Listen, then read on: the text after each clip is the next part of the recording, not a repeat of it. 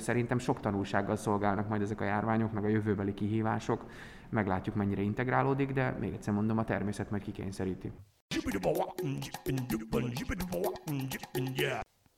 A jövő bár ismeretlen, mégis mindig találhatunk olyan elhivatott embereket, akik fáradtságos munkával igyekeznek élhetőbbé tenni az emberiség előtt álló éveket, évtizedeket. A Volvo Recharge teljesen elektromos és plug-in hibrid modell családjával a környezettudatos élet mellett tette le a voksát, és a jövő megmentőinek elhivatott támogatója. Üdvözlök mindenkit! Ez a Jövő Megmentői Podcast. Vendégünk Kemenesi Gábor virológus, a Szentágotai János Kutatóközpont munkatársa.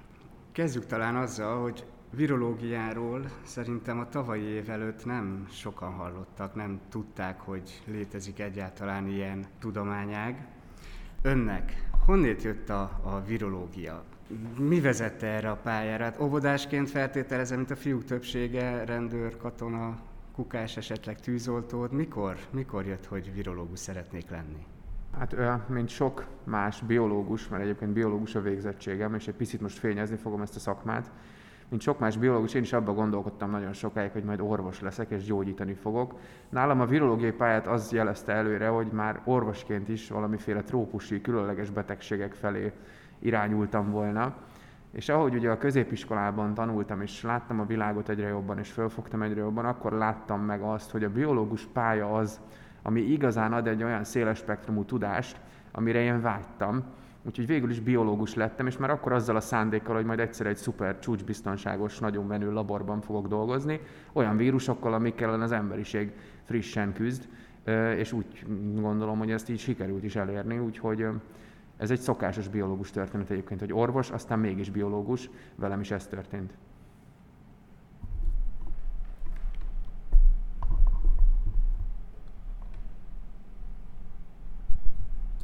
Mit csinál egy virológus egészen pontosan? A virológus is egy olyan állatfaj, amiből millióféle van. Tehát ha valaki azt mondja, hogy virológus, az nagyon sok mindent jelenthet. Vannak kiváló vakcinafejlesztők, kiváló virológusok, akik felszentelik az életüket arra, hogy egy-egy vírust a legmélyebb mélységeig megismerjenek. A mi részünk a virológiából az a, az a menőbb. Úgy szoktam mondani a diákoknak, hogy mi vagyunk a virológia rockstárjai, mert mi vagyunk azok a virológusok, akik kimennek az erdőbe, a dzsungelbe, a legvégső utáni emberlakta település után is, és elkezdik az állatokat mintázni. A mi virológiánk az az állatokról emberre terjedő vírusokkal foglalkozik, vagy más néven felbukkanó, újra felbukkanó fertőző betegségekkel, olyanokkal, amik újak az emberiség számára, és ezeket a vírusokat mi megfogjuk, és ebben a csúcs szuper laboratóriumunkban vizsgáljuk, mind genetikailag, mind egyéb módokon megpróbálják megismerni. Az, amit most mindenki hall a tévében, hogy a SARS koronavírusról ezt meg azt kell még megismerni, mi ezt csináljuk meg mindenféle újonnan felfedezett vírusokkal, már előre dolgozunk ezek előtt a járványok előtt. Hogyan néz ki ez a terepi munka? Hogyan történik egy vírus begyűjtése egy, egy vaddisznóból, egy denevérből, egy patkányból? Ugye minden kutatásnak megvan a prioritása. Nem titok, hogy nálunk a denevér virológia az egy hatalmas szelete a kutatásainknak. Az se titok, mert biztos, hogy lehetett velem is, meg kollégákkal is találkozni, akik szúnyogokról beszélnek. Vannak prioritizált kulcsfajok a természetben, amiket nagyon érdemes vizsgálni virológiai szempontból. Ennek sok oka van.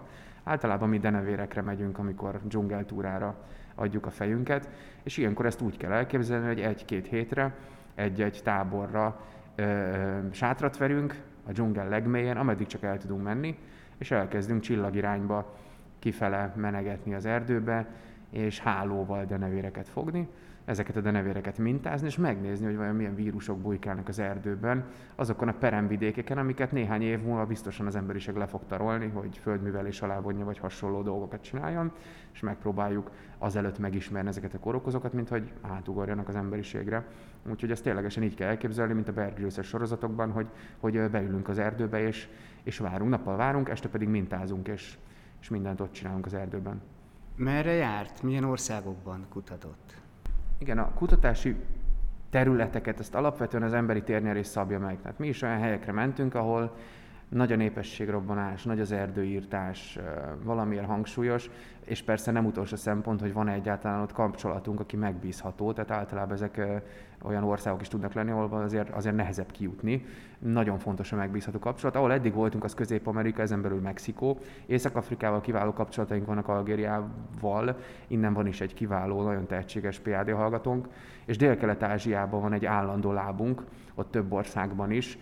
Ezek azok a forró pontok, és itt főleg Dél-Kelet-Ázsiáról beszélhetünk, ahol ténylegesen az emberi térnyerés, de egyébként most is láthatjuk, saját bőrünkön tapasztalhatjuk az új koronavírus kapcsán, hogy azért az egy abszolút forró pont. Ami pedig a járvány utáni abszolút következő lépésünk, az Dél-Amerika lesz, úgyhogy mondhatom, hogy sok kontinensen járunk, illetve fogunk járni. Mm, sok helyről beszélhetnénk, de ha valaki el akarja képzelni, hogy miért megyünk oda, az mindig ezért, mert az emberi térnyerés hatalmas, és előirányozza azt, hogy 5-10 éven belül valószínűleg elő fognak ott bújni még újabb kórokozók amikor virológusként a vírust keresi, az laikusként egy kicsit olyan, mint a tűzoltó, aki a tűzbe megy, aki direkt a veszélyhez megy. Nem félti az egészségét? Nem fél a fertőződéstől? A, ami szuper még a szakmánkban, hogy kutatóként tudjuk, hogy mit, miért és hogyan csinálunk. Nekem személy szerint konkrétan képesítésem van Németországból arra vonatkozóan, hogy az ebola szintű megbetegedéseket terepen diagnosztizáljam és kezeljem. Olyan helyen, ahol nincs mögöttem egy szuper csúcs, szuper labor. Tehát ezt meg lehet tanulni, hogy hogy lehet biztonságosan csinálni. És most csak egy példát mondjak, ha elképzeljük azt, hogy mondjuk a SARS koronavírus 2-t már a tudósok felfedezték volna jó idővel azelőtt, hogy megjelent. Persze nem tudjuk, hogy hogy és milyen körülmények között jelent meg, de ezért most tekintsünk el. Jó előre megismerték volna, akkor most óriási lépés előnybe lennénk. Tehát még mindig megéri jobban kiképezni embereket és kutatásokat építeni erre, hogy kimenjünk és levadásszuk, megismerjük, mint később kapkodni. De visszatérve az eredeti kérdésre, abszolút ki vagyunk erre képezve, és ez, egy, ez megint csak a biológus szakmának egy, egy csodája, hogy, hogy ennyire sokrétű. Jó, hogy említette, hogy megismerni. Mit jelent a, a vírus megismerése? Tehát meddig mehetünk el, amikor szembeállunk több millió vagy százmillió vírussal, és mi azt mondjuk, hogy szeretnénk őket megismerni bizonyos szintig azért, hogy később könnyebben vegyük fel ellenük a harcot. Mennyiben segíti, tehát a koronavírus elleni harcot mennyiben segítette volna, hogyha eljutunk vele egy olyan szintig, ameddig a virológus foglalkozik vele? A koronavírusnál ott azért megjegyezném, hogy nagy szerencséje volt a tudománynak, hogy sok mindent tudtunk a koronavírusokról, másik koronavírusokról beszélek, a MERS-ről, a SARS 1 nagyon sok mindent megismert már a tudomány, az óriási lépés előny volt. De hogy visszatérve az eredeti kérdésre, mit jelent a megismerés, nagyon sok mindent és most nem azért, mert mennyire jók vagyunk, de az a labor háttér és az a szaktudás, amit mi itt felépítettünk Pécsen, az éppen ezt szolgálja, ezt a komplex megismerést. És miről beszélek? Egyrészt oda kell mennünk, meg kell találnunk azt a vírust. Erre a legmodernebb eljárások adnak lehetőséget, ezt úgy hívják, hogy új generációs vagy következő generációs szekvenálás. Ez azt jelenti, hogy fogjuk azt az adott állati mintát, és egy nagyon modern, nagyon jól kinéző eljárás. Ennek már olyan változata is van, amit az USB portra dugok be a laptopomba, és gyakorlatilag az erdőben meg tudom ezt csinálni. Tehát ez tíz évvel ezelőtt elképzelhetetlen lett volna. Meg tudom mondani DNS, RNS, tehát nukleínsav szinten, hogy mik vannak abban a, a mintában, milyen ágensek. Fel tudom ismerni. Ott már én egyből látom, hogy ez van új, vagy valami régebbi vírus, vagy valami annak a rokona, vagy egyáltalán mi ez. Az első kérdés a mi ez. Ha megvan, hogy mi ez, akkor behozzuk ide a csúcs szuper laboratóriumunkba, és mivel még nem ismerjük teljes spektrumában azt a kórokozót, nem tudjuk, hogy milyen fertőzést hogy csinál egyáltalán fertőző embert, elkezdjük alapkutatásba bevonni és megvizsgálni flaskákban, beöltözve a szkafandereinkben, biztonságos körülmények között, megismerni. És a megismerésben már minden benne van. Milyen receptort használ, hogyan replikálódik, hogyan másolja önmagát, képes fertőzni emberi sejteket, vagy nem. És akkor innen már egyből jön a következő lépés, ha ez mind megvan, fejleszünk rá gyógyszert. Nézzük meg, hogy a rendelkezésre álló antivirális szerek közül mondjuk melyik hat rá, vagy melyik nem. És el tudunk jutni a megismerésben egészen olyan gyakorlati lépésekig, amik később egy vészhelyzet esetén éveket spórolnak az emberiségnek. Tehát ezért nagyszerűek ezek a kutatások, mert ténylegesen a dzsungelben táborozástól a megoldásig el tudjuk vinni ezeket a vírusokat, és tényleg sok vírusról beszélünk, de azért a tudomány tudja, hogy melyik víruscsoportok a, úgymond a legveszélyesebbek ilyen tekintetben. Egyébként a koronavírusokról is tudjuk, nem véletlen, hogy denevérekkel is foglalkoztunk, de van még néhány ilyen, tehát azért, ha prioritást kell húznunk, nagyjából tudjuk, hogy melyik vírusokhoz érdemes nyúlni. Ezt le lehet fordítani úgy, hogyha teszem azt a, az új koronavírus, most mondjuk tavaly decemberben jelent meg. Idén decemberben meg lesz ellene a vakcina.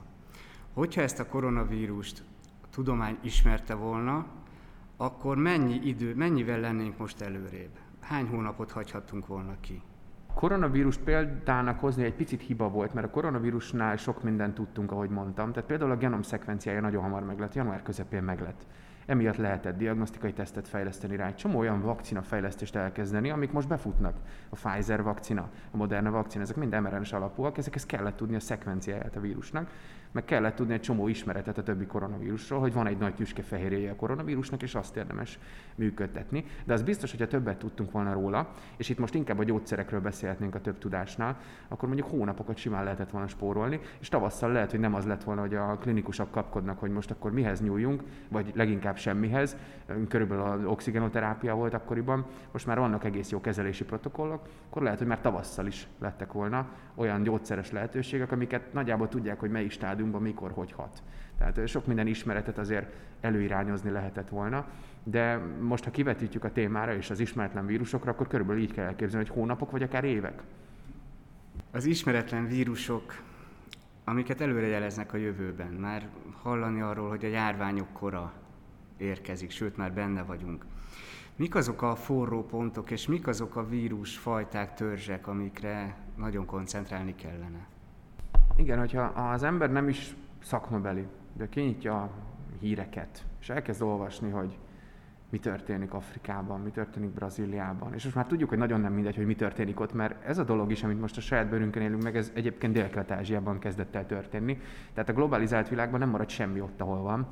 De ha csak megnézzük mondjuk Afrikát, és megnézzük, hogy most már zsinórban a harmadik ebola járvány tör ki Kongói Demokratikus Köztársaságban, egymástól függetlenül, akkor azért az elmúlt 40 évben nem ez volt a, a mintázat. Vagy elmegyünk Brazíliába, és megnézzük, hogy egy 20 éve nem látott vérzéses láz ütötte fel a fejét, akkor csak két példát mondtam, és akkor beszélhetnék a bangladesi nipa járványokról, amik egyre sűrűbben, egyre komolyabban jelentkeznek, és éveken belül egy olyasmi krízist fognak előirányozni a jelenlegi tudományos várakozások szerint, mint a nyugat-afrikai ebola járvány.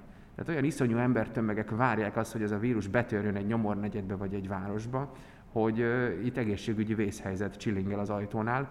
Úgyhogy vannak ilyen víruscsoportok, most nem csak az határozza meg őket, hogy veszélyesek, hogy egyébként valamelyik rokonuk vérzéses lázat okoz, hanem az is, hogy a Földnek melyik részén vannak ezek a vírusok, és a Földnek azok a részei, ahol rendkívül sok ember van, óriási a térnyerés, mert írtják az erdőt, nőnek a városok, és amikor nőnek a városok, ezt itt tanítom is az egyetemen, hogy sajnos a közép-afrikai városok, meg a dél városok is sok esetben nem úgy nőnek, mint nálunk, hogy épül még két ipari park, hanem általában nyomornegyedek, ahol nincs úthálózat megfelelően, nincs közműhálózat megfelelően. Ezek a járványok gócpontosodási szempontból ez, ez, ez egy álom, tehát ez egy vírusnak a legjobb hely, ahol megjelenhet, és láthatjuk, hogy ez hova tud eljutni.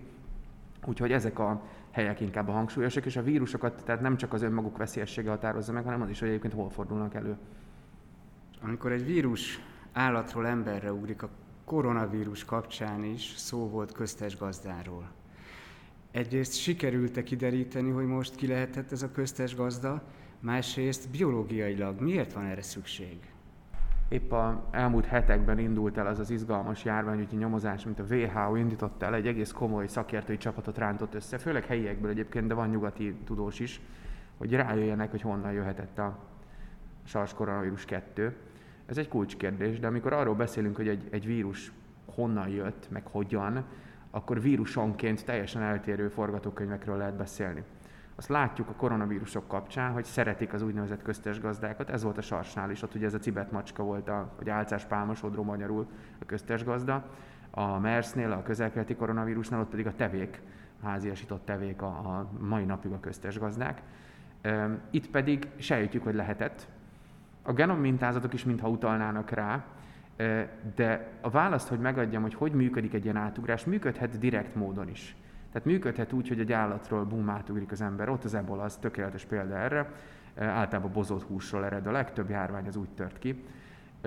Most a koronavírusoknál, és itt az átugrást inkább úgy kell érteni, hogy egy olyan verziója jön létre a vírusnak, ami nagyon szereti az embert. Ez azt jelenti, hogy könnyen terjed emberről emberre. Egy olyan variáns, ami emberről emberre terjed. A koronavírusoknál általában ez a köztes gazda ennek a létrejöttéhez kell ott találkozik többféle koronavírus, vagy úgy változik a koronavírus genomja, hogy előbb-utóbb képes az emberi receptorokat megfogni, és akkor szépen emberről emberre terjedni. Úgyhogy itt ez így szokott szóba jönni, de a vírus csoportonként lehetne ilyen forgatókönyvekről beszélni, és mind-mind eltérő egy kicsit. elvonatkoztatva a koronavírustól az, az ön pályáját ö, tekintve, melyek azok a kutatások, eredmények, ami, amelyekre jó szívvel gondol vissza, hogy jelentősnek tart? Itt mondhatnám, hogy az összes, és amit még nagyon hangsúlyoznék itt, hogy a saját pályámon mire gondolok szívesen, a csapatra nagyon szívesen gondolok. Tehát abszolút a kutatás egy csapatmunka. Ez most látszik is a világban, ha valaki nem is kutató, hogy azért itt nagy kutatólaborok dolgoznak együtt. Ez picibe is így megy. Kiváló csapatunk van itt a laborban. De amire szívesen gondolok, hát olyan felfedezéseink voltak az elmúlt években, amik mondhatom, hogy világszinten megrengették a tudós társadalmat. Tehát például Európában írtunk le filovírust. Most ez nem mond senkinek semmit, de ha azt mondom, hogy az ebola vírusnak egy rokona, előfordul Európában, de még Magyarországon is, akkor az már kezd érdekes lenni. És egy olyan vírusról beszélünk, ami 16 évig eltűnt. Senki nem tudta, hogy hol van, hol fordul elő. Ez olyan szintű vízhangot keltett, hogy jelenleg kettő amerikai laborral és egy németországi laborral dolgozunk szorosan együtt, Ebből az egyik egyébként az Amerika hadsereg alá tartozik, az egyik laboratórium, tehát ez egy nagyon komoly kutatási terület, és senki nem tudja, hogy vajon miért került elő újra ez a vírus, viszont rendkívül sok mindent kiderítettünk róla. Tehát az elmúlt 16 évnyi tudományos ismeret hiányt azt mi most bepótoltuk, és épp most készül egyébként egy szuper publikáció ebből a témából. Ez egy óriási eredményünk volt, és miért volt óriási? Nem csak azért, mert megtaláltuk, hanem azért tudtuk megtalálni, mert 2008 óta foglalkozunk Denever vírusokkal, és olyan kutatási hálózatot építettünk föl, hogy bármilyen gyanús dolog előfordult a denevérek körében, akkor azt mi azonnal le tudtuk reagálni. És tulajdonképpen ez a tudás háttér és kutatási hálózat, amit kiépítettünk tíz év alatt, ez az, ami, ami észrevette ezt a, ezt a vírust is, és sok másról is beszélhetünk, de ez például egy óriási eredménye a laborunknak, és azonnal fölkerültünk a nemzetközi térképre. És tehát amikor már Amerika észrevesz egy magyarországi labort, az, az azért nagy szó szokott lenni, és most kettővel is dolgozunk együtt, úgyhogy erre, talán erre vagyok a legbüszkébb erre az eredménye. Amerika észrevesz egy magyar labort. Magyar virológusként öm, mennyire könnyű bekapcsolódni a, a nemzetközi vérkeringésbe? Mennyire figyel a magyar virológiára a világ? Én azt gondolom, hogy ha jó a téma és jó a szakember, akkor figyel. De visszatérve a virológia lényegére és minden kutatás lényegére, a hálózatosodás a lényeg, tehát az együttműködés. Manapság már a tudomány nem úgy néz ki, hogy valaki bezárkozik a laborjába és várja a saját eredményeit, hanem összedolgozik másokkal, és az összedolgozás kapcsán veszik észre egymást a laborok. Most az előző téma, amiről beszéltem, ez a szuper együttműködés Amerikával, az éppen egy szuper téma kapcsán alakulhatott ki, úgyhogy persze kell a téma is, kell a nyitottság, meg nyilván kell egy, egy háttér, egy infrastruktúrális háttér, egy tudás háttér. Ha ez mind megvan, és kölcsönös érdeklődés van egy témában, akkor simán mehet. Tehát 2020-ban ez már nem egy nagy dolog együttműködni, sőt, alap elvárás, hogy a kutatólaborok összedolgoznak Európán belül, Európán túl. Úgyhogy ez már így működik, de mégis azért, azért egy nagy dolog. Virológusként ön is, többen is előre jósoltak nagy világjárványokat most megtörtént. Mi ebből a virológus számára a tanúság? Így várták, ezt várták? Így vártuk, ezt vártuk, de nem azért, mert Nostradamusok vagyunk, hanem mert a tudomány abszolút leírta azokat a hatásokat, sok olyan víruscsoportot is, amik előre látható forgatókönyvek szerint várhatóan okozhattak hasonló világjárványt, és lám-lám itt vagyunk. De hogy mit mond ez nekünk virológusoknak, az, hogy nagyon fontos a munkánk, a mi munkánk is, nagyon fontos, hogy a világ számoljon ezzel a hatással, és itt most a világról, a globalizált világról gondolok, arra gondolok, mert az, hogy élvezzük a jólétét ennek a világnak, az nagyon sok mellékhatásra jár. A klímaváltozástól bizony a járványok felbukkanásáig, és hiszek benne, hogy a tudomány az hoz majd innovációkat, innovatív megoldásokat arra, hogy egy-egy ilyen kihívást hogy kezeljünk. Szóval ez a tudományt azért fejleszti egy-egy ilyen kihívás, ettől még nem jó, de számíthatunk többre, és igenis fontos a munka, és amire még rádöbbent, és amit mindig éreztem minden szakmai konferencián, amikor kim voltam, hogy sokkal több az ilyen kihívás, mint amennyi kutató lenne. Úgyhogy ha valaki egy picit is gondolkodik rajta, hogy neki feküdne ez a pálya, akkor szerintem hajrá és menjen kutatónak, mert óriási szükség van most azokra az agyakra, akik meg tudják majd oldani ezeket a problémákat a jövőben, és a jelenben is. Kutatóként hogy látja ez a, ez a járvány? Kinyitotta a tudományos világot? Vagy, vagy inkább bezárta, hogy mindenki a maga problémájával foglalkozzon? Sajnos mind a kettőt látom. A kinyitás az már a járvány előtt megtörtént. A tudomány készült arra, hogy lehetnek ilyen kihívások. Létrejöttek szövetségek, kutatói, vakcinafejlesztési, ezerféle. Ugyanakkor azt is látni most a világban, ezt mindenki láthatja, hogy sok ország külön kezeli. Nagyon sok országban még választási téma is lett a járvány, ott van Amerika például, vagy akár Brazília is, meg sok másik ország is, és ez nem feltétlenül jó. Néhány országban látszik, hogy a tudományra rátelepedett ilyen szinten a politika. Ez biztos, hogy nem vezet jóra ettől függetlenül a tudományra szükség van, és a tudománynak működnie kell, mert láthatóan a tudomány hozza a megoldásokat a vakcina, a gyógyszerek és a megismerés képében. Úgyhogy nagyon kíváncsi vagyok, hogy maga a járvány hogy formálja át ezt a világban, de abban is nagyon bízok, hogy az olyan programokat, mint például a Predict nevű program, ami egy amerikai forrásból működő program volt, és épp a Trump adminisztráció szüntette meg, épp a járvány előtt egyébként ironikusan, ez a program, hogyha valaki nem hallott róla, ez arra vonatkozott, hogy pénzt osztott a világban olyan kutatóknak, mint például mi, arra vonatkozó, hogy menjenek el a dzsungelbe, és bizony írjanak le új vírusokat. Tehát a megismerési fázis támogatta. Ezt a Trump adminisztráció megszüntette, mert minek fizessünk olyanért, ami most így írogassanak le valamit. Hát most itt a gyakorlati haszna, hogy ennek igenis volt, és csak érdekességnek mondom, hogy azok a vírusok, amikről tudjuk, hogy rokon vírusai a elődei, evolúciós elődei a mostani koronavírusnak, az is a Predict program kapcsán lettek leírva. Tehát ha ez nem lett volna, akkor nem ismernénk most az ősét ennek a mostani koronavírusnak. Úgyhogy nagyon bízom benne, hogy az ilyenfajta programok felerősödnek, és nagyobb támogatást kapnak majd vezetői szinten is világszerte, mert erre szükség lesz, mert még mindig jobban megéri költeni a megismerésre, meg a felfedezésre, mint a kezelésre később, amikor már baj van. Most a jelenlegi járvány kapcsán milyen jövőt jósol nekünk? Gondolok itt a, a vakcinára, milyen, várhatóan milyen védettséget fog nyújtani, mikor juthatunk el abba az állapotba, hogy tényleg az emberiség át van oltva, és legalábbis ezzel a vírussal szemben védettséget élvezünk. Ez egy annyira összetett kérdés, hogy körülbelül egy egyórás választ tudnék ráadni, úgyhogy a legjobb, hogyha mindenki figyeli a friss híreket, és akkor meg is adom a választ, hogy miért. Nagyon sok kérdés nyitott még arra vonatkozóan, hogy én most tudjak adni egy hozzávetőlegesen jó jóslást. Amit már biztosan látunk, az az, hogy túl leszünk rajta. Szerintem ez a legjobb hír, amit lehet hallani. Az, hogy miként, milyen gyorsan, milyen mértékben leszünk túl, ezt még nagyon sok minden szabályozza. Hol mennyi vakcina lesz? Meddig fog védeni a vakcina? Azt már tudjuk, hogy lehet rá vakcinát csinálni, ez volt a legfőbb kérdés, ez tök jó. Tehát van egy, egy kapaszkodónk, van egy, egy megoldás már fölsejlik a horizonton. Az, hogy magával a vírussal, virológiai szempontból mi lesz, az megint csak egy olyan dolog, hogy kapásból három forgatókönyvet be tudnék mondani, de fogalmam sincs, melyik jön be.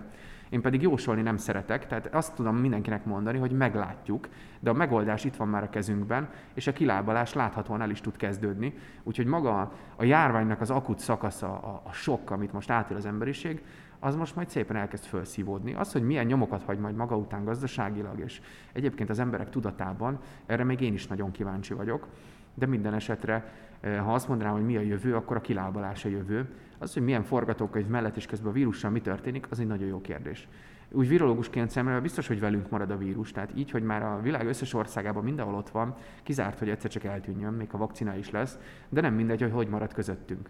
Tehát ha tudjuk magunkat védeni egy vakcinával, meg tudjuk védeni a szeretteinket, meg tudjuk akadályozni, hogy káoszba döntse a régiókat, akkor én azt gondolom, hogy megnyertük a csatát, és nagyon úgy néz ki, hogy így áll a dolog, hiszen sorra halljuk, hogy a vakcina jelöltek jobbnál jobb eredményeket hoznak, úgyhogy innentől kezdve logisztika és időkérdése, hogy mikor kerekedünk felül. Megtréfálhat bennünket olyan szempontból ez a vírus, hogy elkészül a vakcina, elkezdjük magunkat oltani, közben pedig kialakul egy olyan változata, egy olyan mutációja, ami más, amire nem hat esetleg a, a vakcina. A, a megoldás annyira itt van, a fő kérdést ugye megkaptuk, lehet rá a vakcinát csinálni. Igen, változhat a vírus. Jó esélye fog is változni a vírus. De mindenkinek tudnia kell, hogyha van egy bevált technológia, egy bevált eljárás, eh, akkor azt adaptálni egy ilyen változáshoz, az már nem nagy dolog.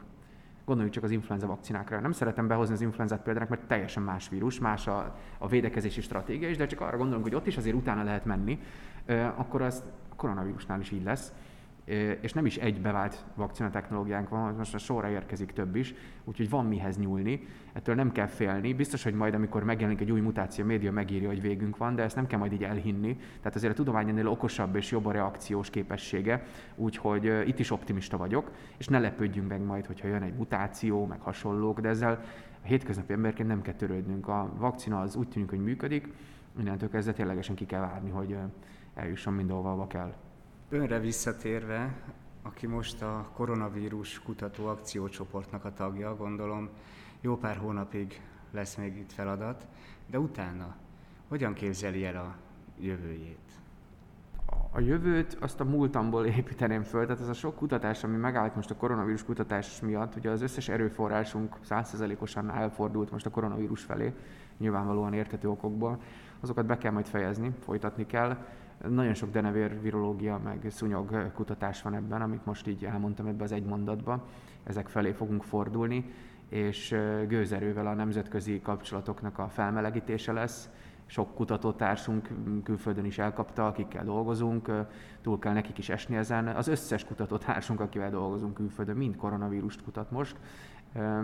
Úgyhogy amint ennek a viharnak vége, akkor oda kell azért fordulni a többi kutatásunkhoz, és tovább menni azon az úton, mert azért vannak fontos témák még, amiket majd be kell fejezni. A koronavírus se fogjuk eldobni, mert bőven van még tudományos szempontból, ebben azért még van 10-15 év, amit ki lehet kutatgatni, úgyhogy van ezzel is dolog mm, lesz munka.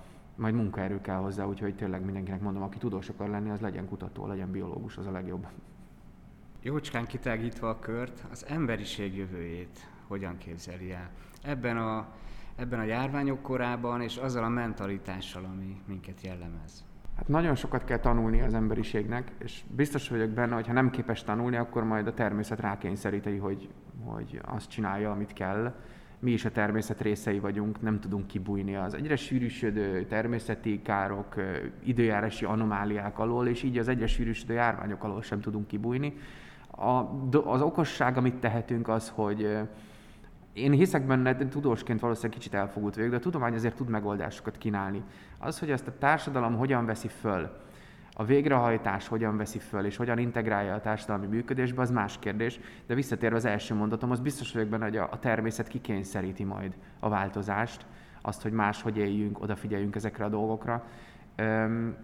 Én látom most, főleg a járvány kapcsán, hogy a társadalomban nem biztos, hogy megvan az a rugalmasság, ami kell egy akut vészhelyzet legyőzéséhez. Ezt most láthatjuk a oltástagadás, meg a nem tudom, járványi intézkedés elleni tüntetések, meg hasonló hírek jönnek, elképedve nézem, egy óriási embertömeg, egy hatalmas globális társadalom részei vagyunk, ennek van egy felelősségi oldala, és sajnos az ez, hogyha akut vészhelyzet van, akkor együtt kell működni, és alá kell vetni magunkat olyanoknak, amik lehet, hogy az én egóm, az én mindennapom szempontjából kényelmetlen, de mégiscsak azt a rendszert tartaná fönn, amit kiépítettünk az elmúlt pár száz évben. Úgyhogy szerintem sok tanulsággal szolgálnak majd ezek a járványok, meg a jövőbeli kihívások. Meglátjuk, mennyire integrálódik, de még egyszer mondom, a természet majd kikényszeríti. Milyen változásokra lenne ahhoz szükség, hogyha ne is, nem is elkerüljük, de minimálisra csökkentsük az újabb járványok megjelenését? Ez az a dolog, amiben nagyon pessimista vagyok. Olyan változásra lenne szükség, hogy rávegyük azokat az embereket, akik a világnak sokkal szegényebb tájain élnek, hogy ne legyenek gazdagabbak. Tehát a jelenlegi világrend alapján ő úgy lesz gazdagabb, hogyha az ő országa iparilag fejlettebb lesz, több erdőt vág ki, több mezőgazdaságot, több munkahelyet teremt, kódolva van a globális világ működésében az a természetpusztítás, ami ránk hoz ezeket a csapásokat. Én itt nem látok kiutat ilyen szempontból. Nyilvánvalóan nem is elvárható, hogy abból a tortából ne kapjanak egy szelettel ők is, amit mi már itt élvezünk Európában, meg Amerikában jó ideje. Nem elvárható, az emberi természettől sem elvárható, úgyhogy olyan megoldásokhoz kell nyúlnunk, amik alternatív megoldásnak számítanak. Erre szoktam mondani, és most furcsán hangzik, és furcsán egyszerűen, de mondjuk a klímatudatosság az kéz a kézbe jár a járványok megelőzésével is. Tehát ha én odafigyelek a természeti környezetre, odafigyelek rá, hogy óvjam a bolygót, és próbáljam csökkenteni az emberi térnyerés hatását, ami láthatóan nem fog visszahúzódni, akkor megtettem nagyjából, amit tudok. A többi meg majd elválik, és remélem, hogy a technológiai újítások és innovációk majd sokat lendítenek ezen. A tiszta energia, a környezetszennyezés visszaszorítása terén, és a járványok felkutatása és megismerése terén is. Remélem, hogy ez majd még enyhíti ezt a hatást, de körülbelül én ezt tudom elképzelni. Foglalkozik még a, a vírustagadókkal? Milyen, milyen jó tanácsot, vagy mit üzenne a vírustagadóknak? Sokszor mondtam már, hogy én nem haragszom, nem nézem le őket. Mindenkinek szívve a joga gondolni valamiről valamit, de egy közösség részei ők is, és a közösségnek vannak történelmi idők óta alapvető szabályai, elvárásai. A közösségben lévő jóléti dolgok mellett én nem vonhatom ki magam a kényelmetlennek tűnő dolgok alól sem, mert a közösséget szolgálják. Én azt szoktam mondani, hogy én, én hiszem, hogy a félelemből és a nem megértésből fakad ez a tagadás, amit bizonyos emberek képviselnek. A félelemre és a nem megértése pedig gyógyír a tudás, úgyhogy javaslom, hogy tanuljanak, olvassanak, és ne a furcsa két hetente megszűnő oldalakon, hanem tudományos forrásokból tájékozódjanak, értsék meg a világot, és akkor könnyebben be is tudják majd fogadni azokat a dolgokat, amik még ránk várnak, és kevésbé félelemmel. Tehát a félelemre is az ellenszer a tudás, abszolút. Ez is egy alapigasság, és itt nagyon működik, úgyhogy ezt tudom üzenni nekik. Persze vannak mindenkinek jogai, de van, amikor a társadalom fontosabb, mint a egyéni jogok. És ez most egy olyan helyzet. Az inspiráló beszélgetések bemutatását a Volvo Auto Hungária támogatta.